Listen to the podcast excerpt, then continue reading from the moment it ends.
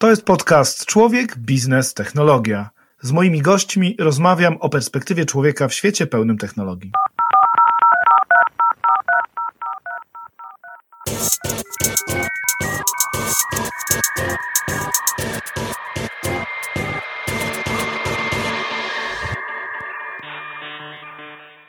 Cześć, dzień dobry, witam Cię w kolejnym odcinku podcastu Człowiek, Biznes, Technologia. Dzisiaj będziemy mówili o rozrywce, ale o tej rozrywce będziemy mówili z wielu perspektyw. Z perspektywy kontentu audio, ponieważ moim gościem jest Michał Scholz, który odpowiada za tworzenie kontentu audio globalnie w Storytelu, ale też będziemy mówili o rozrywce z perspektywy sportowej, ponieważ Michał jest jednocześnie założycielem i prezesem klubu koszykarskiego Dziki Warszawa, Jednocześnie jest byłym audytorem, pracował w banku, robił tysiąc różnych rzeczy, więc sam nie wiem, w którą stronę ta rozmowa pójdzie, ale jestem przekonany, że będzie bardzo ciekawa i zapraszam cię do jej wysłuchania. Cześć Michał, dzień dobry. Dzień dobry. Jestem bardzo wzruszony e, tą przemową i tym wprowadzeniem. E, nie mam tej pewności, że będzie aż tak ciekawie jak ty, ale e, zrobię co w mojej mocy. Powiedz mi, Michał, bo ja nie dodałem jeszcze jednego elementu historii. Po raz pierwszy zetknąłem się z tobą w zasadzie swoim głosem, słuchając kiedyś Radio Campus, takiej bardzo ciekawej audycji. Pamiętam, jak dziś robiłem obiad i w środku dnia w kampusie była taka audycja o chłopakach, którzy robią super produkcję audio, słuchowiska i opowiadałeś, w jaki sposób za pomocą arbuza i noża można odwzorowywać dźwięk obcinanej głowy wampira.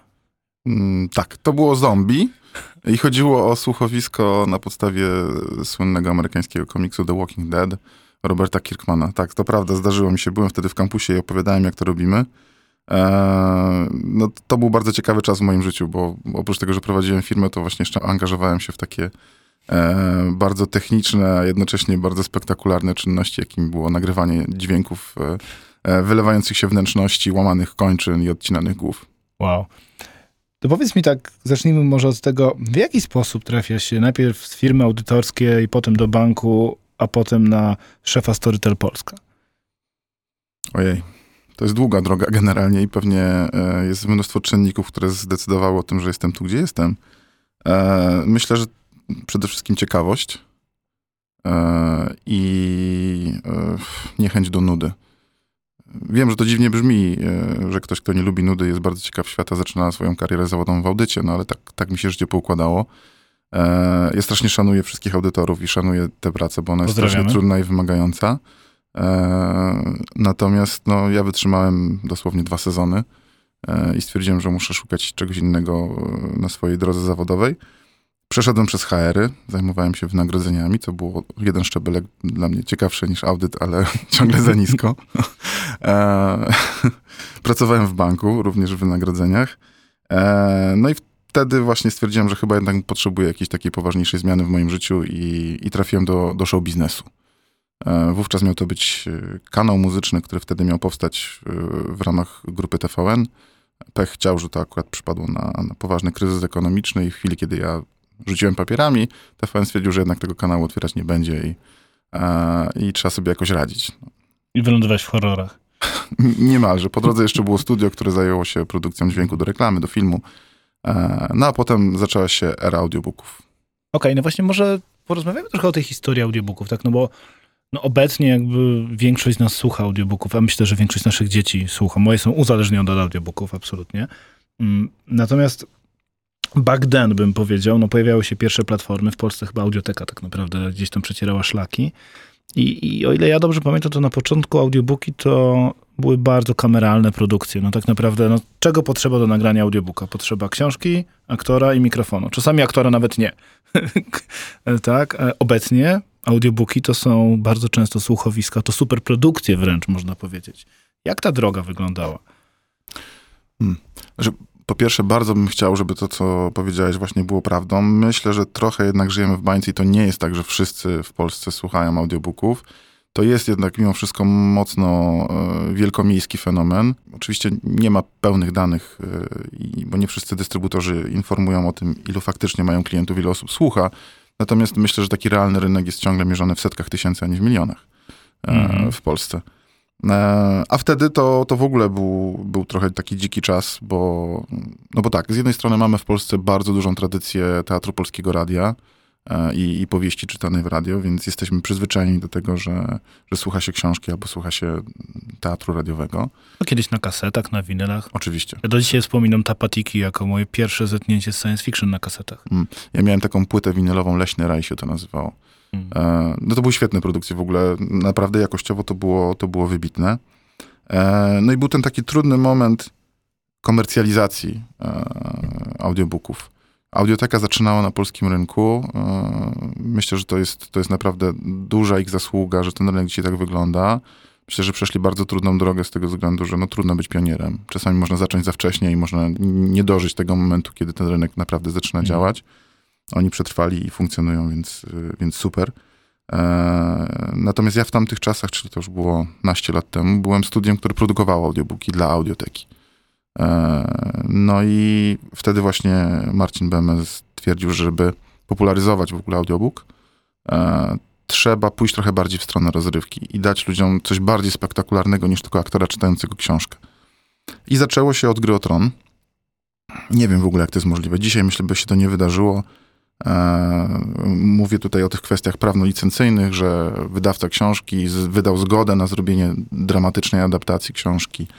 E, To są strasznie trudne prawne procesy aktualnie. No i też pewnie ogromne pieniądze. Wtedy właśnie jeszcze nie. Wtedy właśnie jeszcze nie. Mieliśmy to szczęście, że, że, że dostaliśmy zielone światło.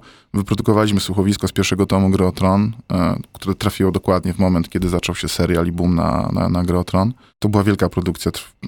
Robiliśmy to chyba z 9 miesięcy. Myślę, że 3 czwarte realizatorów dźwięków z Warszawy było zaangażowanych w jego, w jego powstawanie. Ponad 70 aktorów, cała śmietanka. No, w ogóle świetny projekt który zrobiliśmy dla audioteki. No jak się skończył, już odespaliśmy i opadł kurz i w ogóle wszyscy stwierdzili, że to było fajne, mimo tego, że było potwornie męczące i, i wyczerpujące. No to stwierdziliśmy, że trzeba by mm, kontynuować, trzeba by coś zrobić i bardzo nam się spodobał ten, ten trop e, serialowy. To też był właśnie taki początek boomu na, na seriale. Nawet jeszcze to chyba Mhm. było przed czasami Netflixa tak naprawdę, bo to było naście lat temu. Tak, bo gra o tron to jeszcze chyba było przed. Dokładnie tak. E, no i pamiętam taką jedną burzę mózgów, gdzie zaczęliśmy szukać e, seriali, na bazie których można by zrobić właśnie słuchowisko. No i ktoś rzucił temat, że teraz The Walking Dead jest popularny, bo to był właśnie sam początek, pierwszy sezon się pojawił. Ja zacząłem szperać, no i trafiłem na pierwowzór literacki, czyli komiks. Bo Robert Kirkman, który jest showrunnerem The Walking Dead, e, stworzył komiks. Na jego podstawie powstał serial, nawet nie wszyscy wiedzą. No wiesz, stwierdziłem, że w sumie skoro można zrobić z książki słuchowisko, to może da się i zrobić z komiksu. Tylko trzeba napisać dobrą adaptację scenariuszową. I napisałem maila, tak jak mówię, dzisiaj takie rzeczy chyba by już nie przeszły. Napisałem maila do agenta, mówiąc, że jestem chłopcem z Polski, mam tutaj studio i, i, i robimy, robimy takie fajne rzeczy. I może oni by chcieli, żebyśmy zrobili słuchowisko z ich komiksu. No to mm, ten agent podpisał, że że super, że docenia, że fajnie, że się zainteresowaliśmy tematem, ale no, słuchowisko z komiksu to, to chyba kiepski pomysł. Ja mówię, to wiesz co, to może zróbmy tak, że my zrobimy próbkę, jak wam się spodoba, to będziemy gadać dalej. No i zrobiliśmy pierwszy odcinek. E, Pamiętam, że wysłałem go do nich e, u nas wieczorem, u nich w takich normalnych godzinach e, porannych, bo to w LA. I po 15 minutach przyszła odpowiedź, że to jest rewelacyjne. On mówi, nie zrozumiałem ani słowa, bo to wszystko po polsku, ale jest to świetne, więc, więc dobra, zróbmy to. I tam już były te odgłosy wszystkie. Tak, tak, tak, tak, tak. tak. No i, i, i tak oto powstało właśnie The Walking Dead, które później notabene wydaliśmy po francusku, e, po niemiecku i po hiszpańsku. E, I, I zaczęła się nasza przygoda z, z, ze słuchowiskami na podstawie komiksów. No, zrobiliśmy Torgala, zrobiliśmy Kajko i Kokosza, zrobiliśmy Konana, Funky Kowala, Mm. więc trochę polskiej klasyki. No i to, to była bardzo fajna przygoda. Ona nie była ekonomicznie opłacalna, niestety, tak jak mówię, czasami się trafia troszeczkę za wcześnie, e, zanim rynek zdąży się rozwinąć. To nie było jakieś e, bardzo intratne przedsięwzięcie, ale na pewno dużo się nauczyliśmy wtedy.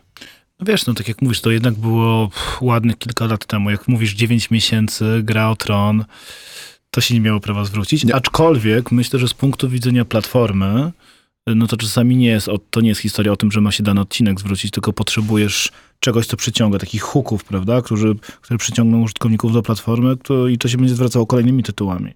Ja sam trafiłem do audioteki, nie ukrywam, na stałe bardziej po grze o tron. Właśnie. Tak, i, i to jest myślę strategia komunikacyjna tak naprawdę, produktowo-komunikacyjna, którą, którą przyjmują różne platformy, nie tylko platformy e, zajmujące się dźwiękiem, bo jak spojrzysz na kampanie reklamowe Netflixa czy HBO, no to one praktycznie chyba nigdy nie są o marce. Na pewno nigdy nie są o aplikacji. One są zawsze o kontencie. No bo koniec końców użytkownik, ty, ja, przychodzimy do danej platformy nie po to, żeby użyć ich fantastycznej aplikacji, albo nie dlatego, że podoba nam się ich branding, tylko dlatego, że chcemy posłuchać czy obejrzeć tę konkretną treść. No tak, no to tak jakby trochę, wiesz, no telewizję reklamować, wiesz, o tym, czym jest produkt telewizyjny. No, reklamujesz dla poszczególnych grup docelowych treściami, emocjami tak naprawdę, które nie szukają. Czasami jest to sport, czasami jest to, nie wiem, rozrywka teleturniejowa, czasami jest to, wiesz, kino właśnie, tak, i duże tytuły. No, myślę, że jedna rzecz w tym bardzo zmiennym świecie się nie zmieniła, to powiedzenie, że content is king, bo, bo jest. I, i, I to działa tak naprawdę w rozrywce niezależnie od, od formy. Hmm. Ale powiedziałeś jeszcze, wracając do tych statystyk, że no, życzyłbyś sobie, żeby tych osób było więcej słuchających y, audiobooków. A jeżeli byśmy rozszerzyli tą kategorię na generalnie słuchanie kontentu i pomyśleli sobie o ostatnich, nie wiem, pięciu latach, jak zmieniła się konsumpcja treści właśnie na audio i dodali do tej kategorii jeszcze podcasty, no to chyba już y, mówimy o dużo większym trendzie wtedy. Tak, to na pewno. Myślę, że ostatnie, ostatnich kilka lat to jest, to jest duży boom właśnie jeśli chodzi o podcasty. I to jest w ogóle dość zabawne, bo, mm, bo podcast można bardzo różnorako definiować. I yy, my na przykład zupełnie inaczej rozumiemy podcasty niż rozumieją to Amerykanie. Jak spojrzysz na treści, które produkuje, nie wiem, Q-Media, e, czy produkuje Spotify teraz w Stanach, który poczynił olbrzymie zakupy, jeśli chodzi o twórców e, treści, no to zobaczysz, że to, co oni nazywają podcastem, bardzo często jest po prostu właśnie słuchowiskiem. Nie jest nigdy audiobookiem w takim sensie, że no, audiobook jest y, bardzo wąsko rozumiany jako książka przeczytana, czyli tam nie ma adaptacji, jest po prostu mhm. przeczytana książka. Natomiast każda inna treść, której podstawą nie jest książka, nazywana jest podcastem. Dla nas to może być słuchowisko, e, no nie wiem, nie, nie mamy dobrej nazwy na to. Natomiast Amerykanie przez podcast rozumieją wszystko, co jest audio i nie jest na podstawie książki.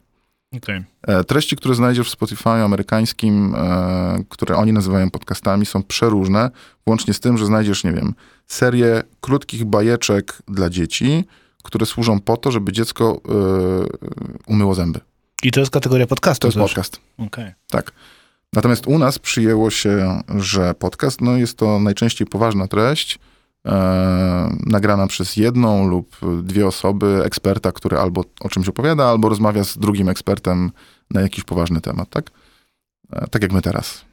Oprócz tego, że ja jestem niepoważny, ale to, to inna historia. Nie no, zakładając w ogóle, że ten podcast jest poważny, ale faktycznie nie myślałem o tym w ten sposób, że jak spojrzysz sobie, nie wiem, nawet na Apple Podcast, czy jakąkolwiek inną platformę podcastową w Polsce, no to zobaczysz tam te kategorie, nie wiem, właśnie biznes, nie wiem, historia, coś tam. Oczywiście są też bardziej rozrywkowe, typu, nie wiem, crime. Tylko najczęściej no. jest to true crime. Jest to true crime, właśnie, prawda? Ja uważam, że podcast w Polsce jest zdecydowanie bliżej radia, mhm. takiego rozumianego jak audycje radiowe, tylko w takiej, powiedziałbym, wiesz, formie słuchaj kiedy chcesz, czego chcesz, aniżeli właśnie takiego radia rozrywkowego, typu audycji, takich właśnie słuchowisk i tego typu rzeczy. No, ostatnio słuchałem sobie raportu o stanie świata i, i czułem się, jakbym się cofnął o no, 30 parę lat e, i, i jakbym siedział w domu i mój tata słuchał trójki. Tak się mniej więcej czułem. To jest dokładnie ten sam experience, tak bym słuchał audycji publicystycznej w, w dawnej dobrej trójce. Nie no wiesz, no jakby Darek Rosiak był w ogóle gościem tego podcastu. Właściwie tuż po uruchomieniu e, jego własnego podcastu, no minęły dwa lata de facto, tak? I teraz, to też w ogóle ciekawe, jak sobie na to spojrzysz, że Darek de facto odwzorował dokładnie to, co robił wcześniej.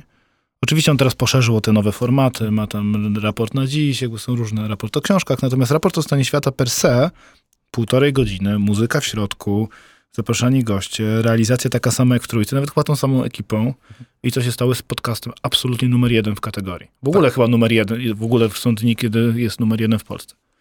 No. E, no. jest też takim podcastem, który znalazł ciekawą formułę finansowania, bo e, tu dotykamy w ogóle jeszcze innego obszaru, czyli tego, jak można zarabiać na treściach audio. Bo jeśli chodzi o audiobooki, to sprawa jest w miarę prosta, czyli mamy serwisy, które zajmują się dystrybucją, e, jest kilka aplikacji, na których można słuchać audiobooków, one mają różne formy monetyzacji. Czasami jest to subskrypcja, jak w przypadku Storytela, czasami jest to pay per download. e, różnie. Tak naprawdę wtedy klient sobie decyduje Mm. o tym, która forma jest mu bliższa. Natomiast jeśli chodzi o podcasty, to tutaj jesteśmy moim zdaniem jeszcze w przededniu jakiejś rewolucji takiej biznesowej, no bo na dzień dzisiejszy, e, oprócz właśnie takich form, jak, jak we wspomnianym raporcie, gdzie, gdzie, jest, gdzie jest konto na Patronite i ludzie sami decydują, czy kiedy i w jakiej formie chcą, chcą wspierać twórcę, e, oprócz jakichś tam, myślę, że dość marginalnych przychodów e, e, z reklam, tak naprawdę jedynym e, poważnym sposobem zarabiania na podcastach są podcasty brandowane. Czyli treści Mhm. tworzone tak naprawdę dla konkretnego partnera, e, bardzo często skrojone na miarę. Nie ma na dzi- dzień dzisiejszy serwisu w Polsce, który byłby w stanie monetyzować podcasty i, i, i wynagradzać twórców. By, były jakieś były eksperymenty przez grupę Abstra robione, Storia by Abstra, tak? Czyli tworzenie dedykowanych sieci reklamowych dla podcasterów. I Ale tam- skończyły się chyba w nicości. No chyba na, na poziomie eksperymentu bardziej. Mhm. Znaczy to niby działa cały czas i chyba są jeszcze jakieś kolejne tego typu, ale fakt jest faktem, że o ile podcasting w Polsce rośnie, no to te modele biznesowe się będą tworzyć jeszcze tutaj. Dokładnie tak. I, i Mhm. wydaje mi się, że, że to jeszcze jest przed nami. W, w Storytel zrobiliśmy, zrobiliśmy eksperyment trzy lata temu już. E, bardzo mocno zainwestowaliśmy w treści podcastowe. Przyjęliśmy takie założenie biznesowe, że może przez podcasty uda nam się ściągnąć do słuchania audiobooków osób, które na dzień dzisiejszy trochę boją się mm, takiego długotrwałego mariażu, czy takiego romansu z książką, bo książka często trwa ponad 10, trwa kilkanaście godzin. I, i znam wiele osób, które, które mówią, ja nie wiem, czy ja mam tyle czasu. To będzie trwało, będę słuchał tej książki dwa miesiące, w ogóle nie ogarnę tego. A podcast jest ze swojej natury też taką formą krótką, y, łatwiejszą do przyswojenia.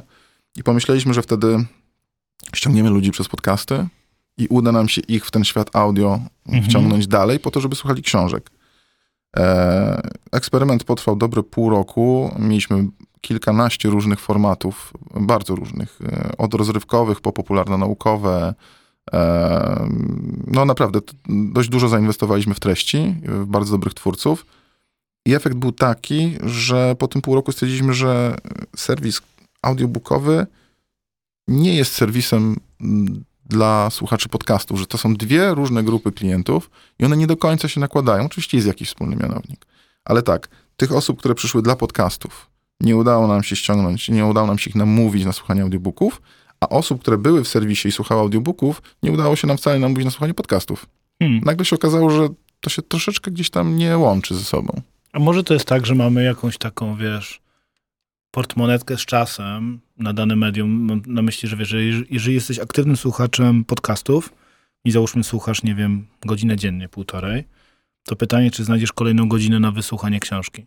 Zazwyczaj, nie wiem, podcastów słucha się jakoś tak w międzyczasie, tak? W drodze do pracy, drogi z pracy, może na rowerze, wykonując te czynności w domu. Prawdopodobnie to jest potencjalnie czas, kiedy słuchasz audiobooka. Pytanie, czy wynajdziesz, wiesz, dodatkowy czas. Może to jest, to jest taka No.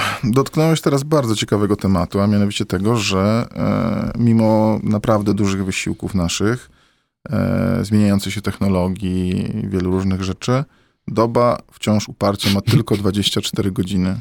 I niestety dużą jej część musimy przeznaczyć na sen e, i na parę jeszcze innych czynności, które wykluczają e, rozrywkę. Mhm. I, I to powoduje, że, że faktycznie to jest zasób, którym jako konsument ja muszę gospodarować, a jako platforma roz- rozrywkowa ja o ten zasób walczę. Czasami to jest naprawdę dużo ważniejsze niż walka o pieniądze. Oj, zdecydowanie. I, I tutaj właśnie też dochodzimy do punktu, w którym myślę, że można podejść do, do rozrywki w bardzo szerokim rozumieniu, bo tak naprawdę e, jako platforma z audiobookami ja walczę oczywiście o, o czas konsumenta, który może go zagospodarować na słuchanie muzyki, może go zagospodarować na oglądanie serialu, na czytanie książki, ale może go też zagospodarować na e, pójście na mecz, na pójście do kina, na spotkanie ze znajomymi. I teraz uwaga, bo tu się robi grubo, na przykład na e, scrollowanie swojego feedu na Instagramie albo na TikToku. Media społecznościowe stały się również formą rozrywki. One też dostarczają kontentu, który Mm. konsumujemy. I my wszyscy razem, a jest nas już dość dużo, walczymy o ten sam czas, o te same 24 godziny minus sen i praca. No. Jest kilka tutaj zmiennych pewnie, prawda? Są takie media, które łatwiej współdzielić, jeżeli chodzi o uwagę. No takim medium jest muzyka. No muzyka często jest medium tła. Spotykam się ze znajomymi, ciągle mogę korzystać ze Spotify'a, bo leci sobie, nie wiem, jazz, tak? Nawet scrollując Instagrama, ciągle na tym samym telefonie może lecieć muzyka, tak? No bo jednak to oddziałuje na inne, na inny medium. Mogę jechać samochodem i słuchać wspólnie muzyki. Jeżeli chodzi o słuchanie książek, no wydaje mi się, że poza kontekstem samochodu, mówię o sobie teraz, nie Mhm. wiem jak jest u innych, ale poza kontekstem samochodu, gdzie bardzo często rodzinnie słuchamy e, razem książek, dosłownie wczoraj Hyperiona na Storytelu słuchaliśmy. Gratulacje, bardzo dobry. E, Tak, aczkolwiek jesteś bardzo wytrwałym słuchaczem w takim razie. Mm, Szósta godzina dopiero. Jeszcze kilka zostało. Natomiast chodzi o to, że jakby ciężko wyobrazić sobie, że jednak książek słuchasz grupowo. To jest słuchanie indywidualne. Czyli jakby walczysz o ten taki czas na wyłączność. Tak, to prawda. Akurat tutaj i podcasty, i audiobooki są dość specyficzne. E, Po pierwsze, żeby konsumować, możesz być trochę inaczej skoncentrowany. No jednak treść wideo wymaga od ciebie patrzenia w ekran. Tutaj możesz robić in, wykonywać inne czynności, prawda? Możesz biegać, możesz być na siłowni na spacerze z psem, możesz sprzątać. E, no, ró- Różne czynności można wykonywać podczas słuchania. To się, to się faktycznie nie wyklucza. I to jest trochę przewaga treści audio nad treściami wideo. E, Z drugiej strony, ja na przykład też nie wyobrażam sobie konsumowania wspólnie treści audio. E, Nawet, nawet słuchanie audiobooka we dwójkę w samochodzie, no to jest powiedzmy jak gdzieś tam na, na granicy. No. No musisz być dobrze synchronizowanym, żeby przede wszystkim razem rozpocząć i słuchać tylko i wyłącznie wtedy, kiedy jesteś razem. Dokładnie tak. No. Więc, y, więc no, jest tak, że w detalach y, te konsumpcje, te, te sposoby konsumowania się różnią. Mhm. Natomiast co do zasady jest to walka o czas. Tak, i, i zgodzę się z tobą, że no wiesz, te platformy w większości kosztują powiedzmy pomiędzy, nie wiem, 20 a 30 zł miesięcznie. Można tak uprościć, powiedzmy, tak? Pi razy drzwi, tak? No więc to per se nie są duże pieniądze i bardzo często są to takie na poziomie jednego biletu do kina. Może półtora, tak? Natomiast jak sobie potem pomyślisz, przychodzi ci znów powiadomienie na maila, że twoje konto zostało obciążone i sobie pomyślisz, czy ja de facto wykorzystałem to czasowo? To wtedy jest ten moment decyzji, prawda? Takiej trudnej. Tak, no Mm. tak jest, aczkolwiek no, jest wielu konsumentów, którzy, którzy nie zwracają na to uwagi. Mhm. E, oczywiście to jest kwestia też możliwości finansowych. Kiedy zaczęła się pandemia, był ten, ten, ten początkowy moment e, niepokoju i niepewności, e, to powiem ci, że ja byłem też trochę zaniepokojony tym, jak zobaczyliśmy, że nagle tak dość punktowo e, rośnie nam liczba użytkowników odchodzących z platformy, ponieważ tam mamy oczywiście taki exit interview, kiedy, kiedy wyłączasz konto, nagle zaczęły nam się pojawiać e, komentarze od użytkowników, którzy mówili, że właśnie stracili pracę albo obawiają się, że stracą pracę. Ale tak naprawdę większość jednak mówiła, że e, stracili, ponieważ to był ten, pamiętasz, ten początek, kiedy się nie chodziło do pracy, kiedy się siedziało Mm. w domu, nawet lasy były zamknięte, nie można było wychodzić, nic. I, I wtedy ludzie zaczęli pisać, że stracili te swoje dzienne e, rutyny i okazje do słuchania.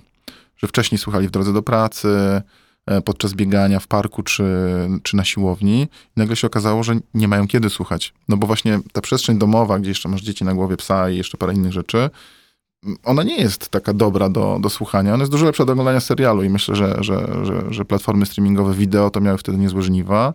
Natomiast i e, muzyczne platformy, i platformy audiobookowe na początku przeżyły taki malutki dołek. On na szczęście się szybko zakończył, bo się szybko okazało, że jednak nie jest aż tak źle i możemy wychodzić do lasu, ale, ale początek był taki dość niepokojący. Ale fakt jest faktem, wszystkim spadł. Podcastom spadło wtedy monstrualnie. A wróćmy na chwilę do tych eksperymentów Storytelu jeszcze, tak? No bo jakby wyprowadzicie no dosyć taką ciekawą, czasami równą, czasami nierówną walkę z, pewnie w Polsce najbardziej ze Spotify'em, tak mi się pewnie wydaje. Być może nie, być może z innymi platformami. Natomiast to, co mi się bardzo podoba, że i to też jest twoja zasługa, tak? Że bardzo podchodzicie kreatywnie do tworzenia kontentu. Powiedziałeś wcześniej właśnie o tym, co w audiotece, dla audioteki robiłeś. No w Storytelu tych eksperymentów było dużo, dużo więcej. Dostawaliście mnóstwo nagród, więc jakbyś mógł o kilku takich najciekawszych opowiedzieć. Za- Zaczęło się chyba od, e, od projektu Atak na K2 z Jędrkiem Bargielem. To też, żeby nie było wątpliwości, to nie jest absolutnie moja jednostkowa zasługa, tak? Za tym stoi zespół Hmm. bardzo kreatywnych i, i, i bardzo zaangażowanych osób. E, ja miałem przyjemność ten zespół skompletować i nim zarządzać, ale to, to nie jest wszystko moją zasługą. E, pewnie tego będą słuchać, więc muszę to powiedzieć. Zaczęło się od, od Jędrka Bargiela i pomysłu, żeby e, w jakiś sposób zrelacjonować jego, jego atak na K2 i jego zjazd na nartach. To było bardzo karkołomne przedsięwzięcie, bo wyglądało tak, że Jędrek przesyłał nam na bieżąco relacje ze swojej wyprawy. Przesyłał nam dźwięki, które nagrywał w Karakorum. E, opowiadał o tym, co się wydarzyło, opowiadał o swoich odczuciach, o tym, co będzie.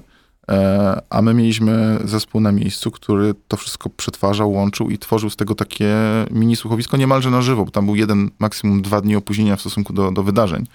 E, no, powstała świetna relacja z, z całego tego w ogóle bardzo wyjątkowego przedsięwzięcia i projektu. I to był taki moment, kiedy stwierdziliśmy, że, że może właśnie w ten sposób, czyli tworząc bardzo atrakcyjne i bardzo oryginalne treści, powinniśmy e, komunikować całą platformę.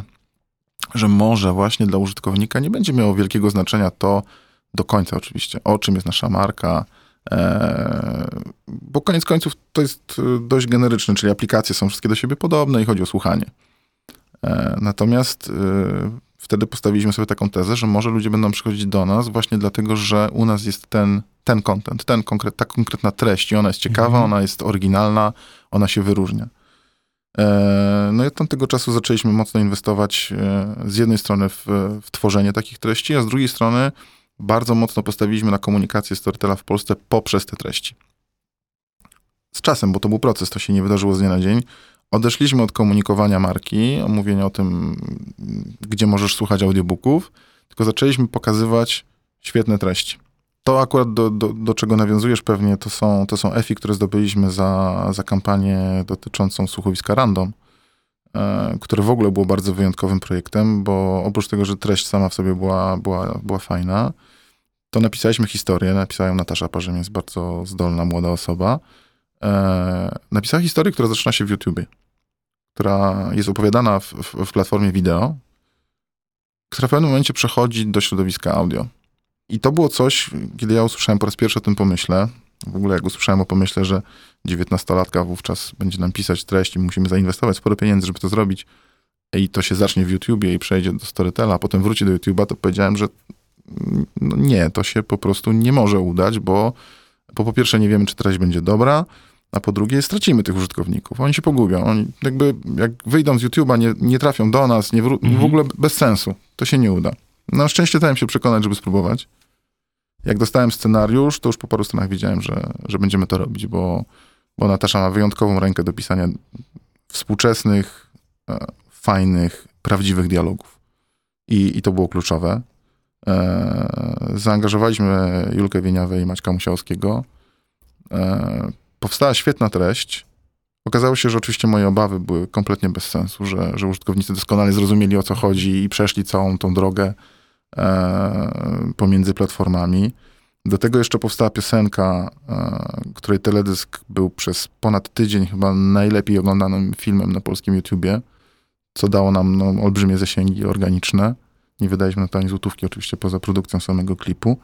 No efekt był taki, że no, powstała bardzo, ale to bardzo efektywna kampania, która przyniosła wielu użytkowników i, i ludzi, którzy się zakochali w tej treści. I oni przyszli do nas nie dlatego, że mamy super apkę tylko dlatego, że była tam świetna treść, a my potrafiliśmy o tym opowiedzieć. No więc, jeszcze potrafiliście o tym opowiedzieć natywnie w innym medium. To też jest w ogóle bardzo ciekawe, prawda? I jeszcze ściągnąć efektywnie z, z platformy, która robi wszystko, żeby użytkownika nie wypuszczać od siebie, tak? Czyli YouTube. No, każda platforma tak ma, no, mówmy się, wy też. Tak? E, to bardzo ciekawy koncept. Bardzo ciekawy koncept. To możesz jakby właśnie Możesz się jakby podzielić może informacjami, bo to jest ciekawe właśnie a propos tego momentu przejścia między platformami. Tam faktycznie nie mieliście jakiegoś takiego dropu, no bo to jest naturalne, prawda, że tam, to jakiś musiał być, ale pewnie nie za dużo. Był. Byli też użytkownicy, którzy na przykład y, trafili zaczęli swoją, swoją przygodę od, od naszej aplikacji, czyli najpierw wysłuchali treści, która była w, u nas w serwisie, a dopiero potem trafili na filmy na YouTubie, które dopiero im wytłumaczyły w ogóle o co a, czyli trafiało od połowy? I... Mniej więcej. A, ale, ale jednak gro użytkowników, e, zwłaszcza tych, którzy przyszli e, przez kampanię promocyjną, e, zrozumiało na czym polega ten, ta podróż i, i przeszło ją bez, bez większych problemów. Mm. Powiedz Michał, tak trochę zmieniając teraz zakładając twoją kolejną czapkę, tak? No bo dużo mówiliśmy o tym, co robiłeś przed Storytelem, a po tym, co robiłeś jako country manager Storytela. Teraz od kilku miesięcy twoja rola się zmieniła i jakby trochę platforma doceniając to, co jakby z zespołem robiliście w Polsce na poziomie kontentu, zresztą głównie ci o kontencie rozmawiamy, e, jakby objęłeś rolę globalną, jeżeli chodzi o Creative Audio Manager Content. Pięknie się nazywa. Creative Global Audio Creative Audio Manager. O, właśnie. Nie potrafię tego zapamiętać. Pierwsze powiedz mi jakby na czym ta rola polega, a po drugie jakby w którą stronę ta globalna produkcja kontentu idzie, Mhm. kreatywnego kontentu. To jest trochę tak, że y, ten polski przykład, bo to nie jest tylko random, to nie jest, y, to nie jest tylko K2, my tych treści wyprodukowaliśmy dość dużo w ciągu ostatnich paru lat i one y, bardzo mocno przyczyniły się do wzrostu Storytela w Polsce. Y, Byliśmy jedynym krajem, który podążał tą ścieżką, zrobiliśmy coś inaczej niż wszyscy i widzimy tego efekty. No więc y, nasza centrala w, w Sztokholmie stwierdziła, że skoro to działa, to chyba faktycznie coś w tym jest i może warto e, produkować takie bardziej, bardziej spektakularne treści e, po to, żeby przyciągać użytkowników nie tylko w Polsce, ale na całym świecie. E, zdefiniowaliśmy sobie takie pojęcie jak enhanced audio, czyli, czyli właśnie to, to, co wcześniej mówią o podcastach, czyli wszystko, co nie jest książką. Mhm. Enhanced audio to może być bajeczka dla dzieci z muzyczką, to może być wielkie słuchowisko epickie, może być też e, historia true crime, która po prostu ma jakąś warstwę dźwiękową, e, dokumentalną na przykład. I moim zadaniem jest teraz e, sprawić, że takie treści będą produkowane w Storytelu na całym świecie i, i że ten proces produkcji będzie w jakiś tam sposób e, ujednolicony. E, Więc aktualnie na przykład zajmuję się mm, procesem lokalizacji, czyli stworzenia lokalnych wersji dość dużego słuchowiska. W drugiej kolejności mam stworzenie lokalnych wersji brazylijskiego paradokumentu o Puszczy Amazońskiej. Okej. E, Bo to nie chodzi tylko i wyłącznie o takie treści, które będą powstawać centralnie, że, że my teraz wymyślimy w Sztokholmie, że, że robimy taki, takie słuchowisko. Tak również. Ale jeśli w jakimś kraju, w Polsce, w Korei czy w Brazylii w Storytelu powstanie ciekawa treść, no to grzechem byłoby tej treści później Mhm. nie przekazać na inne rynki. No i ten proces y, lokalizacji trzeba w jakiś sposób y, skoordynować i przypilnować, że jakość tego produktu, który powstanie na bazie brazylijskiego oryginału w Korei, Tajlandii, Polsce czy Rosji, będzie odpowiednia. No to jest ciekawe, nie myślałem o tym wcześniej w ten sposób, że jak Netflix sobie lokalizuje Squid Games, no to po prostu dokłada napisy. Tak, no czasami ta różnica kulturowa jest mniejsza, czasami większa. Ja się do koreańskich treści musiałem długo przekonywać, znaczy może nie przekonywać, ale tak przyzwyczajać, no bo to jest totalnie językowo, nawet in, intonacyjnie inne. U was lokalizacja, no to jest całkowicie zmiana kontentu, no nie da się napisów dołożyć. Nie, musisz to przetłumaczyć i musisz to nagrać. E, A jak i- nagrać, no to dużo to zmienia. Tak, i tutaj też możesz, to możesz wybrać, jak daleko chcesz się posunąć, no bo możesz po prostu to przetłumaczyć i nagrać lokalnymi głosami, ale możesz też hi- historię y, fabularną zlokalizować w taki sposób, że w ogóle osadzasz ją w innym No właśnie. Czyli masz, nie wiem, kryminalną historię, która w naszej polskiej wersji dzieje się we Wrocławiu, a ty jak robisz szwedzką wersję, to dzieje się w Göteborgu. E, I wtedy musisz tak naprawdę tą treść bardzo mocno zaadaptować. Mm. No Ale to? czasami ma sens, bo, bo jednak e, w niektórych sytuacjach dużo łatwiej jest użytkownikowi e, utożsamiać się z, z bohaterem, który jest osadzony w jego rzeczywistości, a nie w, w obcym miejscu i, i, i czasie. Nie? To prawda, to prawda. A to takie jeszcze pytanie globalnej perspektywy. Myślisz, że przyszłość należy właśnie do kontentu, który platformy tworzą same? Czyli wynajdujesz autorów, którzy piszą dla ciebie, albo szukasz jakichś małych tematów, które gdzieś tam opracowujesz? Czy może kupujesz ogromne tytuły, wiesz, Harry Potter, Wiedźmin i w tą stronę. I potem globalny brand, który potem, wiesz, jakby wydajesz bardzo dużo pieniędzy na licencję i tylko jakby go rozprowadzasz. Wiesz co, wydaje mi się, że, że odpowiedź brzmi e, i tak, i tak. Jak spojrzysz na, na to, jakie treści są konsumowane, no dobrze, weźmy tego Netflixa, no to zobaczysz tam z jednej strony blockbustery, wielkie rzeczy, które, które są oparte o duże franczyzy, chociażby Wiedźmin, a z drugiej strony masz właśnie takie, takie, takie strzały jak Squid Games czy Casa del Papel, które na początku nie były dużymi rzeczami. One, one się stały duże przez to, że, że ludzie na Netflixie na całym świecie zaczęli je oglądać. E, więc e, zresztą patrząc też na to, jak teraz te platformy poszukują e, treści, to jest swoją drogą niesamowite, bo tych platform jest coraz więcej i oni, żeby móc w ogóle walczyć o ten czas użytkownika, o którym rozmawialiśmy, najpierw muszą mieć czym walczyć. Więc dzisiaj jest jakby olbrzymi wyścig o pozyskiwanie ciekawych historii, ciekawych scenariuszy. Jakbyś porozmawiał z, nie wiem, z polskimi producentami seriali, to dowiesz się, że każdy z nich aktualnie dla tych dużych platform pozyskuje e, twórców e, treści. Po to, żeby móc produkować seriale. Mhm. Najczęściej. Czasami są to filmy, ale najczęściej aktualnie są to seriale. Więc no, wydaje mi się, że tutaj nie ma jednej drogi. To jest tak, że oczywiście wielka franczyza e, daje ci na dzień dobry rozpo- rozpoznawalność i, i fanów tej franczyzy, a z drugiej strony stworzenie od podstaw trendu na coś ma swoje oczywiste plusy. No tak, plus jeszcze dochodzą nowe platformy, które są, wiesz, no jak popatrzysz sobie na Disney Plus na przykład i tak dalej, no to do wielkich franczyz niektórych, do Marvela, do Disneya nie będziesz miał dostępu. Ponieważ będą tylko tam. Tylko tam. Znaczy już nawet jak miałeś dostęp, to one znikają z tych popularnych platform. Tak. Tak. Tak, tak jest. No. Plus do tego taka franczyza daje ci y, prawie nieograniczone możliwości tworzenia nowego kontentu. To nie jest tak, że ograniczamy się do filmów, które dzisiaj są w świecie Gwiezdnych Wojen, tylko powstają coraz to nowsze. No, Jakąś nadzieją dla platform, powiedziałbym, audio jest to, że powiedziałbym, że ten dźwięk jest jeszcze może poza radarem tych największych platform. To są głównie wideo platformy, prawda? Więc jeszcze Chciałbym, żeby tak było. E, tak jak powiedziałem na początku, dzisiaj pewnie ta nasza historia z Grą o Tron czy The Walking Dead by się nie wydarzyła, bo, bo te platformy audio czy, czy właściciele tych franczyz już, e, już zrozumieli, że stworzenie dramatycznej adaptacji e, dźwiękowej niewiele różni się w, w sensie jakby nadania charakteru postaciom. Pamiętam, Mhm. miałem taką rozmowę kiedyś z Bartkiem Jelonkiem. To jest Polak, który odpowiada w, w DC Comics za, za procesy licencyjne. E, Jak go wtedy, jak byłem jeszcze młody i bardzo naiwny, próbowałem namówić na to, żebyśmy dostali licencję na stworzenie e, słuchowiska z Batmana. I naprawdę bardzo się starałem. Jeździłem na targi e, do Frankfurtu, do Londynu, żeby go tam spotkać i żeby pokazać mu, że zrobiliśmy znowu kolejne słuchowisko i że następny powinien być Batman.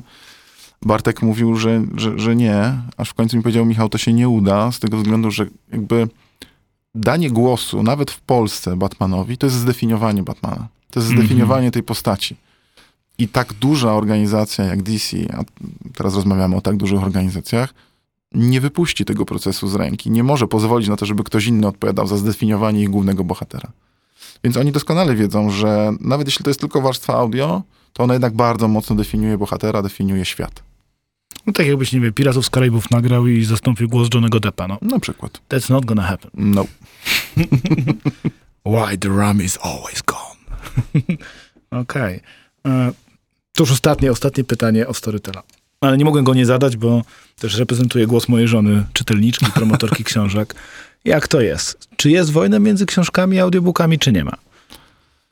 Hmm, to pewnie jest kwestia perspektywy, e, bo gdybyś zapytał wydawcę książkowego, zwłaszcza takiego troszkę bardziej konserwatywnego, to by ci powiedział, że absolutnie tak. Myślę, że nie do końca. To znaczy, jak spojrzysz na sposób konsumowania tej treści, to jednak audiobooka e, słuchasz wtedy, kiedy nie możesz czytać. Najczęściej. Rzadko kiedy to jest tak, że masz możliwość wzięcia fizycznej książki do ręki i mówisz, a nie, tak nie będę teraz czytał, tylko sobie posłucham. Zazwyczaj to jest tak, że właśnie jedziesz samochodem, biegasz, jesteś w komunikacji publicznej i generalnie nie masz możliwości czytania. I, I z tego punktu widzenia audiobook jest produktem komplementarnym. On tę książkę uzupełnia, nie zastępuje. Inaczej jest w przypadku e-booka. No bo tutaj jednak, nawet jeśli mówimy o czytniku, czy, czy telefonie, czy tablecie, Mhm. E, no skoro możesz czytać z czytnika, to w sumie możesz też czytać z książki. Oczywiście jest ten aspekt praktyczny, że nie zabierasz książek ze sobą, że masz wszystkie w jednym Mhm. urządzeniu i tak dalej. Natomiast tutaj moim zdaniem e-book trochę bardziej już kanibalizuje książkę papierową. Audiobook nie. E, Co więcej, e, no robiliśmy te badania w Szwecji, gdzie mamy bardzo dużą populację. Okazuje się, że dla wielu konsumentów słuchanie książki było w ogóle powrotem do rynku wydawniczego. E, Że, że to byli ludzie, którzy nie kupowali już książek od dawna. Czy dla, dla wielu konsumentów słuchanie... Tak, słuchanie książek. książek. Y, Przez to, że zaczęli słuchać audiobooków, y, to nie dość, że w ogóle mieli kontakt z literaturą, ale również zaczęli kupować książki papierowe. Zaczęli Mhm. doceniać literaturę z powrotem.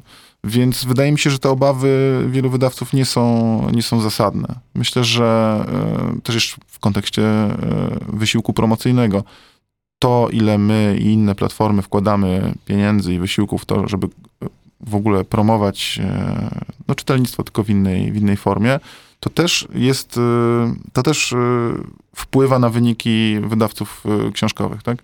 Łatwo sobie wyobrazić, że nie wiem, jeśli my będziemy robić promocję nowego audiobooka Remigiusza Mroza, no to sprzedaż książki również może na tym zyskać, bo to jest ta sama okładka, po prostu Mhm. będzie, będzie jeszcze bardziej widoczna. Trochę tak jak z filmem, prawda? Jak wprowadzasz film w tym samym czasie co książka, no to to książka wzrasta. Ja bardziej się pytałem nawet nie z punktu widzenia wydawców, nawet, wiesz, nawet jako rodzic cały, cały czas się zastanawiam, czy to, że moje dzieci obecnie słuchają więcej audiobooków niż czytają, to jest dobrze czy źle. No bo z jednej strony to jest po prostu kontakt z, tymi treściami, co jest dobre, tak? Jednak jest to według mnie dużo lepsze niż oglądanie filmów, no bo wspiera wyobraźnię, myślę, takie myślenie kreatywne, wyobrażanie sobie. No ale tak jest. I teraz jest troszeczkę pytanie, bo to, co powiedziałeś o tym modelu komplementarności, to dotyczy chyba dorosłego widza, który już czytał i jakby dokonuje świadomego wyboru. Dla tych przyszłych pokoleń to nie do końca tak jest na wprost, prawda? No to jest... A, tutaj trzeba by pewnie zapytać naukowców. E, też skłaniałbym się ku stwierdzeniu, że jednak e, czytanie e, stymuluje trochę inne części mózgu, inaczej wpływa na wyobraźnię niż, niż słuchanie. Zwłaszcza, że w przypadku słuchania no, niejednokrotnie mamy do czynienia z jakąś interpretacją aktorską. To prawda. Więc trochę aktor nam narzuca albo wskazuje cechy charakterystyczne postaci, tudzież interpretację historii. Mhm. E, W przypadku, kiedy czytamy sobie książkę, tylko od tego, co się dzieje w naszej głowie, zależy, e, jak sobie wyobrazimy bohatera. Więc pewnie tutaj jest różnica.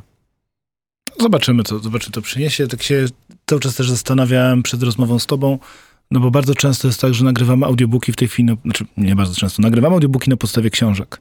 Py- Pytanie jest na przykład takie, czy kiedyś to zadziała w drugą stronę. Czy będą tak wielkie hity audiobookowe, że powstaną książki na ich podstawie. No to to już się dzieje, mogę ci powiedzieć. To już się dzieje. To już się dzieje. No, e, znowu użyję przykładu Storytela. E, Od kilku lat bardzo mocno inwestujemy w powstawanie treści, które się nazywają ogólnie audio first, czyli e, pisarze, niejednokrotnie znani, piszą dla nas coś, co, co jakby ze swojej definicji powstanie najpierw jako, jako audiobook. I zdarzyło nam się już kilkukrotnie, że wydawcy książkowi zgłosili się do nas z chęcią współwydania później wersji papierowej tej samej historii. Więc ona najpierw powstała w audio, potem Okej. została wydana, e, wydana w wersji papierowej. Też mogę powiedzieć, że mamy już e, konkretne przykłady treści, które powstały u nas w audio e, i za chwilę zostaną serialami albo filmami, bo platformy zgłosiły się pod tę konkretną treść po to, żeby z niej zrobić coś w warstwie wizualnej. Czyli pełna konwergencja mediów w praktyce po prostu. Bo wiesz co, no bo liczy się tak naprawdę historia. Jeśli historia jest dobra, to ona zadziała niemalże na każdym formacie. Mm. No dobrze, to ja znów wyciągam nasz zestaw czapek. Zestaw czapek Michała Szolca, zakładamy czapkę sportową. Michał, poza tym wszystkim jakby, tak, e, że właśnie tworzysz, te, tworzysz, tworzyłeś, zarządzasz tworzeniem treści, to jak to jest, że nadchodzi weekend, a ty zakładasz koszulkę sportową Dzików Warszawa i już może nie na boisku, ale jako prezes zarządzasz klubem sportowym? No na szczęście jako, jako włodarz, tudzież działacz, e, bo takie, takie określenia chyba są najczęściej używane w stosunku do tego, co robię. E, nie jest to koszulka sportowa. E, kiedy graliśmy w drugiej lidze, mówię o Dzikach Warszawa, to wtedy zdarzało mi się na mecze przychodzić w koszulce, walić w bęben i zagrzewać dziki swoim własnym gardłem do, do walki. Teraz już jesteśmy troszeczkę na innym poziomie. To już jest pierwsza liga, profesjonalny sport, koszykówka. E, więc teraz już na meczach pojawiam się w marynarce najczęściej. Nie A, wiesz, że gdzieś tam koszulki pod spodem nie ma, na pewno jest. Jest w duszy na pewno. E, no tak się złożyło w moim życiu, że e, ponieważ tak jak powiedziałem, jestem osobą dość ciekawą i poszukującą, e, w pewnym momencie zainteresowałem się sportem e, i postanowiłem zbudować markę sportową. E, Akurat to była koszykówka. Po pierwsze dlatego, że bardzo lubię ten sport. Po drugie, no to jest akurat dyscyplina, która jest e, chyba najbliżej e, lifestyle'u, takiego ulicznego stylu życia, mody. E, To nie jest tylko sport. Plus jest to, jest to druga, chyba najpopularniejsza aktualnie dyscyplina sportowa na świecie. W Polsce nieco, nieco zaniedbana i, i tutaj myślę, że jest wiele do zrobienia. Jest duża luka. Koszykówka powinna być bardziej popularna w Polsce i bardzo chciałbym, żeby to się wydarzyło. Może też troszeczkę za moją sprawą. E, I wtedy powstały Dziki Warszawa, mm, które są klubem koszykówki męskiej, grające wówczas w drugiej lidze, dzisiaj już w pierwszej, czyli na drugim poziomie. Nad nami już jest tylko Ekstraklasa. E, z początku to było hobby i przyjemność. Aktualnie oprócz tego, że jest to przyjemność, to jest to też po prostu duży i poważny biznesowy projekt, którego celem jest zbudowanie e, europejskiej marki sportowej, lifestyle'owej i poważnej organizacji biznesowej. To jest bardzo ciekawe, bo z naszych wielu rozmów jakby poza studiem, e, ja też bardzo lubię sport i wychowałem się na gazecie Magic Basketball, wstawałem w nocy oglądać finał NBA, ale nie rozmawiamy, rozmawiając o dzikach de facto za dużo o sporcie. Jakby bardzo wiele naszych, e, naszych rozmów jest na temat rozrywki i, tego, że ty traktujesz właśnie Dziki Warszawę jako projekt de facto rozrywkowy. Tak? Jako projekt właśnie, tak jak mówisz, lifestyle'owy. To jest bardzo ciekawe spojrzenie na ten temat. Wiesz co, na pewno e, czynnikiem, który ma tutaj duże znaczenie jest fakt, że ten klub powstał w Warszawie, która jest dość specyficznym miejscem. E, po pierwsze, dlatego, że jest tutaj bardzo dużo osób napływowych. Ja sam nie jestem z Warszawy, nie jestem urodzonym warszawiakiem, e, co powoduje, że wiele osób nie ma takiego e, lokalnego patriotyzmu i przywiązania. E, Jak spojrzysz na inne kluby sportowe, które powstają w mniejszych miastach, no to tam ten element patriotyzmu lokalnego jest bardzo ważny. Również w kontekście biznesowym, bo, bo wokół tego klubu integruje się lokalny biznes, e, przedsiębiorcy, wytwórcy z danego regionu czy miasta, którzy, którzy chcą łożyć na sport, no bo jest to jakby ważny Mhm. element tej tkanki społecznej w tamtym miejscu. W Warszawie tego elementu nie ma. Wiele firm to są międzynarodowe korporacje, więc one nie mają w ogóle interesów w, w sponsorowaniu czy, czy wspomaganiu e, lokalnego sportu. E, Więc ja od początku zakładałem, że jeśli ten projekt ma się udać, to my musimy e, ściągnąć na nasze mecze i, i sprawić, że naszymi fanami staną się ludzie, którzy po prostu szukają dobrej rozrywki. Którzy niekoniecznie są dzisiaj wielkimi fanami koszykówki, może nawet w ogóle nigdy nie byli na meczu koszykarskim, ale którzy lubią spędzić fajnie sobotnie popołudnie, którzy lubią e, pójść e, w, w miejsce, w którym będzie dobra atmosfera, będą emocje, ale będzie też można coś zjeść, będzie bezpiecznie i będzie rodzinnie. E, I takie są właśnie dziki. Bezpieczne, rodzinne i fajne, i wesołe, i pozytywne. Co czasami nie idzie w parze z, z takim dopingiem sportowym, jaki znamy chociażby ze stadionów piłkarskich. No właśnie, no bo jakby w, w Polsce kibicowanie jest definiowane albo przez wizerunek piłki nożnej, który przez lata był bardzo zły. Teraz mam wrażenie, że jednak poszedł do przodu. Czasami ma gorsze momenty, jest to różnie, ale się rozwinął. Albo siatkówka, mocne kibicowanie, ewentualnie skoki narciarskie, prawda? Koszykówka, tak jak mówisz, no mam takie wrażenie, że ona chyba najlepsze swoje lata miała jednak w latach 90., tak? Mm. NBA z tym samym swoim wizerunkiem wchodzące do Polski, dzieciaki malujące. Ja sam malowałem z chłopakami własne boisko, tam Chicago Bulls było no, i tak dalej. I wy chyba staracie się też trochę odtworzyć właśnie ten taki trochę e, tą komunikację, którą klub NBA ma. Nawet patrząc na wasze logo, na te koszulki wygląda, jak się komunikujecie w social mediach, no to można by powiedzieć, że klub NBA po prostu, wiesz, na poziomie pierwszej ligi w Warszawie. Strasznie miłe, co mówisz. E, Pewnie jeszcze, jeszcze tam nie jesteśmy. e, Natomiast tak, no, staramy się czerpać najlepszych wzorców, na pewno. Jeśli mamy coś robić, to musi być jakościowe, musi być porządne. Nie, nie bez powodu odwołujemy się do tej amerykańskiej tradycji, no bo jednak to właśnie NBA jest najpopularniejszą ligą e, koszykarską na świecie. Tam są największe pieniądze, tam są najlepsi zawodnicy. E, I tam też ta otoczka wokół meczu jest najbardziej spektakularna. Ja miałem okazję być raz w życiu na meczu NBA, to był Miami Heat parę lat temu. E, Dla mnie to już jest na przykład odrobinę za daleko, bo, bo dla mnie tam tej koszykówki było, było za mało. I zainteresowanie ze strony tych paru dziesięciu chyba tysięcy osób, które były na tym meczu, samym meczem było relatywnie niewielkie. Ważniejsze było to, że się spotkali ze znajomymi, że tutaj jest coś do jedzenia, a tutaj możesz kupić Mhm. koszulkę, a tutaj możesz się napić drinka. I generalnie było mnóstwo różnych rzeczy dookoła meczu, które trochę za bardzo, jak dla mnie oczywiście, odciągały uwagę. Więc y, może aż tak daleko bym nie chciał, żebyśmy poszli w, w meczach dzików.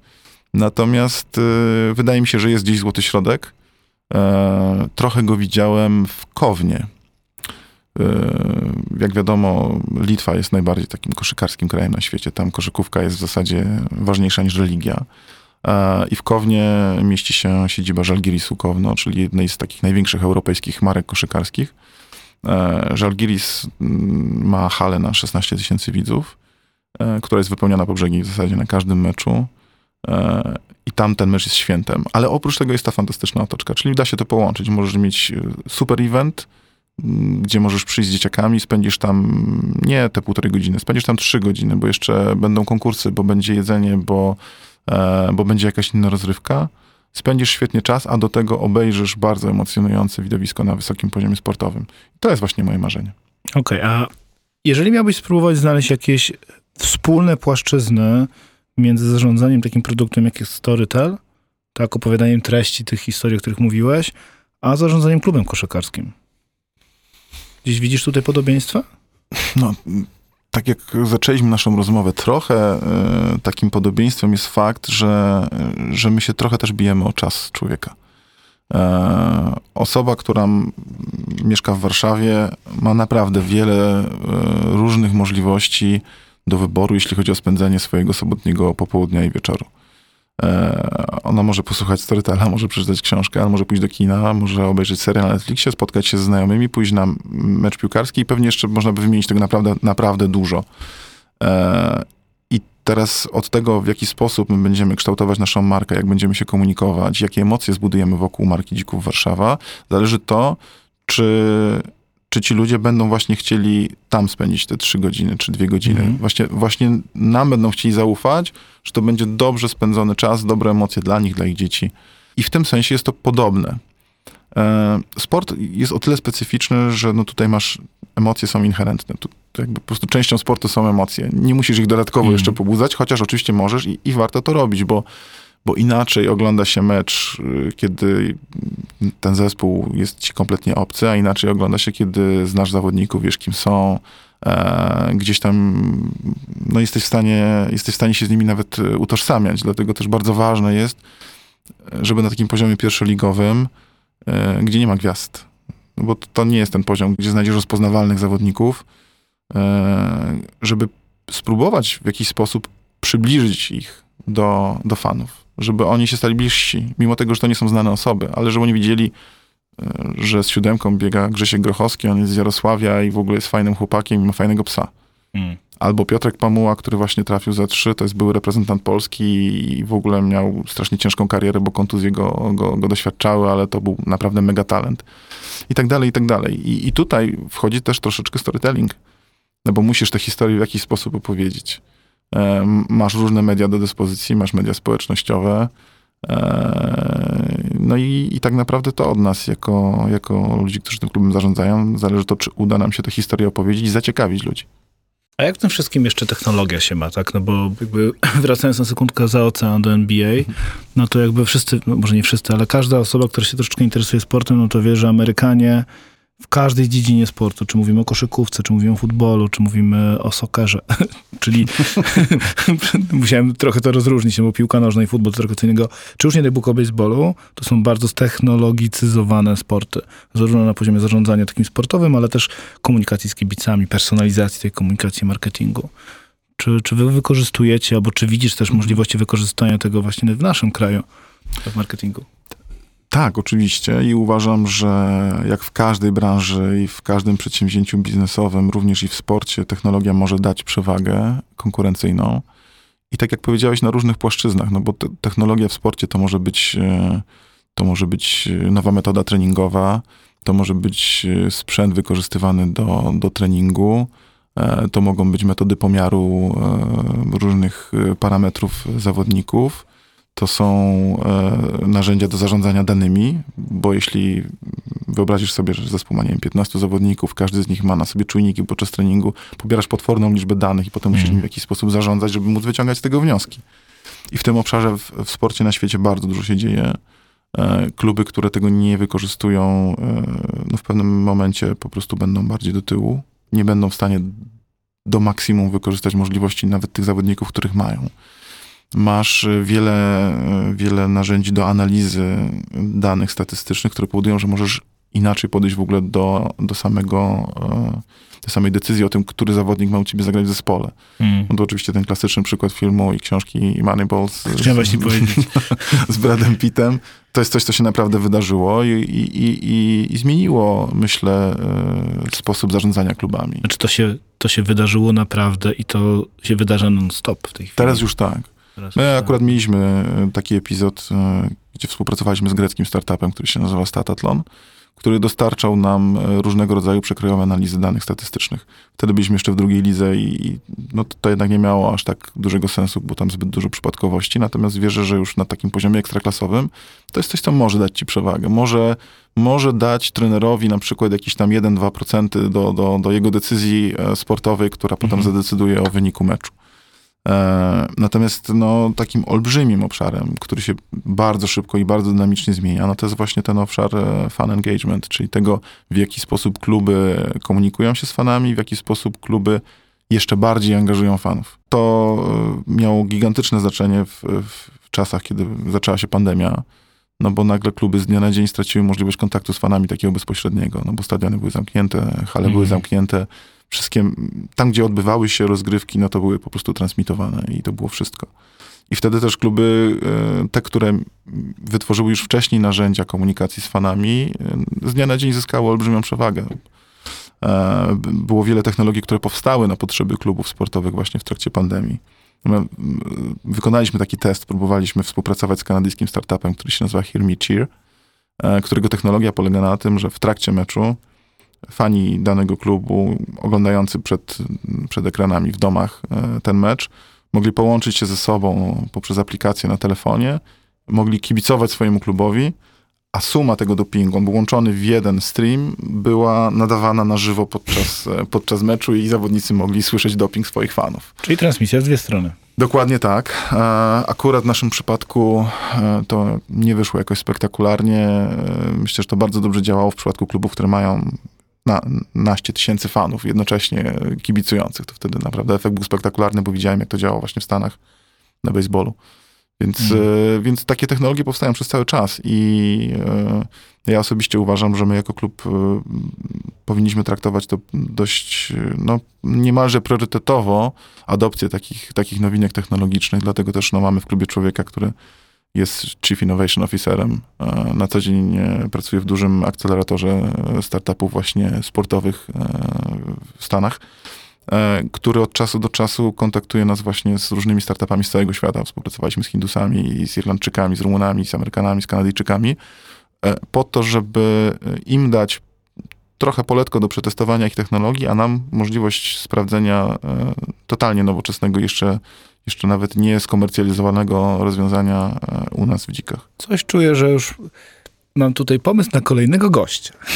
Bo myślę, że a też z racji moich zainteresowań to będzie świetny materiał na odcinek, właśnie innowacje w sporcie, fan engagement. No to jest niesamowicie ważne, bo to z jednej strony to przykład COVID-u powiedziałeś, no nagle wiesz, ta lojalność i w ogóle kon- możliwość skontaktowania się z kibicami to jedna, z drugiej strony no jednak trochę taka próba oderwania się tylko i wyłącznie od przychodów z dnia meczowego, tak? No bo jakby większość klubów jak spojrzy się na budżety klubów piłkarskich w Polsce, no to jest największe, no to są prawa do transmisji telewizyjnych, ciągle, niestety, tak. Potem jest, y, potem są gdzieś tam sponsorzy, ale ten dzień meczowy tak zwany, czyli bilety plus powiązane z tym y, napoje, jedzenie, merchandising, to jest ogromna rzecz. A technologia umożliwia tak naprawdę bardzo też uruchomienie tych źródeł przychodów y, pomiędzy dniami meczowymi. No tak, no plus e, wiesz, jest też kwestia tego drugiego źródła, o którym wspomniałeś, czyli sponsorów i partnerów. E, w takim bardzo tradycyjnym ujęciu e, takie typowe świadczenia dla sponsora i partnera, no to jest miejsce na koszulce, Na bandzie. na bandzie LED, na meczu. No i pewnie, nie wiem, w przypadku koszykówki klasycznie konkurs rzutu z połowy w przerwie. E, Natomiast myślę, że wielką rewolucją e, było wejście z mediów społecznościowych do sportu, ponieważ to Mhm. powoduje, że otwierają się kompletnie inne, zupełnie nowe możliwości e, promowania brandów partnerów e, poprzez, poprzez kluby. Pamiętam, jak realizowałem projekt do Polskiego Związku Piłki Nożnej i pojechałem na taką wizytę studyjną do, do Holandii, do holenderskiego związku, no, który jest, jeżeli chodzi w ogóle o zawodowy i amatorski sposób organizacji piłki nożnej, jest benchmarkiem światowym. Mhm. Tak? Tam ponad 80% dzieciaków gra w klubach. Tak? W klubach, ustrukturyzowany sposób, certyfikacje i tak dalej. E, I pamiętam, jak rozmawialiśmy o tym, że ich kontrakt z jednym z największych sponsorów, e, już nie będę wymieniał teraz nazwy, z jednym z producentów butów, kontrakt federacji, wielomilionowy kontrakt, tak? To oczywiście ten ekwiwalent mediowy, których mówisz tam, koszulki, stroje, ważne, ale najważniejsze były tak naprawdę wiedza na temat tego, kto gra w piłkę, jaki ma rozmiar, jaki ma rozmiar stopy i tak dalej i możliwość dzielenia się danymi z tym sponsorem. Więc pod koniec dnia, jak masz naprawdę dużą bazę kibiców, to z jednej strony komunikacja do nich, ale z drugiej strony wiedza dla, dla partnerów też w ogóle, kto to jest. Ciekawe. Tak, no tu w ogóle osobnym tematem jest właśnie komercjalizacja bazy fanów. E, ja wiem, że to kompletnie brzmi obco, jeśli rozmawiamy o sporcie, o emocjach, mm. o, o idei, no ale to jest biznes jednak, koniec końców. I, I takie elementy mają znaczenie, bo one przekładają się później na budżet, na jakość zespołu, na, na osiągany mm. efekt sportowy. E, I, i, I, aktualnie te kluby, które to rozumieją, a takimi na przykład są właśnie największe kluby NBA czy, czy, czy, czy kluby euroligowe, e, to są kluby, które bardzo dużo wysiłki wkładają na budowanie swojej bazy e, klientów, fanów, po to, żeby mieć do niej bezpośredni dostęp, już bez pośrednictwa platform społecznościowych i po to, żeby później móc je komercjalizować względem swoich partnerów i sponsorów. Ja uważam, że bardzo fajnie się przejęzyczyłeś, bo e, powiedziałeś klientów, a nie, nie, fanów. Nie, uważam, że uważam, że generalnie kluby powinny myśleć o swoich fanach jako o klientach. No tak, fakt to im służą, tak? To jest, tak? To nie jest tak, że my jesteśmy tu wielkim klubem i wy do nas przychodźcie i my wam sprzedajemy usługę. Tak naprawdę sprzedajemy, ale wy jesteście naszymi klientami, musimy o was dbać. Tak. Nasi fani są e, prawdopodobnie naszą największą wartością. To jest aset dla klubu. No. E, i, I tak należy ich traktować. Tak samo jak ja na przykład zawodników traktuję e, zawsze jak naszych ambasadorów. Hmm. Oni zawsze reprezentują nasz klub. To oni występują w naszych strojach z logo na piersi. No dobra, to tak łącząc teraz wszystkie czapki, wszystkie wątki, to wierzysz na przykład właśnie, że że właśnie historia dzików będzie kiedyś opowiedziana w formie audio na przykład? No pewnie. Znaczy w audio to sam ją opowiem. nie, ma, marzy mi się oczywiście wielki, wielki serial typu Last Dance. E, a tak zupełnie na poważnie, e, tak, na, na pewno chciałbym, żeby, żeby to była dobra historia. Na pewno chciałbym, żeby to była historia sukcesu, e, bo to będzie też historia polskiego sukcesu. E, jeśli uda nam się zrealizować nasze plany i, i, kiedyś dziki zagrają w Eurolidze, to też dlatego, że w Warszawie będzie wielka hala widowiskowo-sportowa, której dzisiaj nie ma. E, I to dlatego, że udało nam się zbudować e, dużą europejską, może światową kiedyś markę lifestyle'ową. Bardzo sobie i, i nam wszystkim tego życzę. Drodzy słuchacze, ja myślę, że ja będę czekał na taki odcinek Last Dance. Nie wiem, czy to będzie za sezon. Za, no minimum za dwa, no bo jeden na awans do Ekstraklasy, jeden na awans do Euroligi i jeden na wygranie, no to trzy sezony, tak? Czyli już za trzy lata możemy się spodziewać. To byłby bardzo ambitny plan. E, niestety życie nauczyło mnie bycie troszeczkę większym realistą, okay. więc myślę, że potrwa to chwilę dłużej, aczkolwiek jeśli chodzi o awans do Ekstraklasy, to, to, to plan jest taki, żeby go zrobić w przyszłym sezonie. Ten odcinek nagrywamy, przypomnę, w lutym 2022 roku. Zobaczymy. E, wszystkich warszawiaków za, za, zapraszam na, myślę, że wspólnie z Michałem tutaj na halę na, na mecz dzików. Obserwujcie tą drużynę, jak kibicuje. E, Michał, bardzo ci dziękuję, bo ta rozmowa, mimo że o różnych tematach, prawda, trochę od, od wampirów i, i, i noży i tych dźwięków, przez polski, przez globalny storytel na lokalnym klubie kończąc, to jednak o rozrywce, tak? I o, i o tym takim walce o nasz czas i naszą uważność. To ja bardzo dziękuję za ciekawą rozmowę. Mam nadzieję, że, e, że słuchacze będą się bawić tak samo dobrze jak my dwaj. Dzięki, Michał. Dziękuję.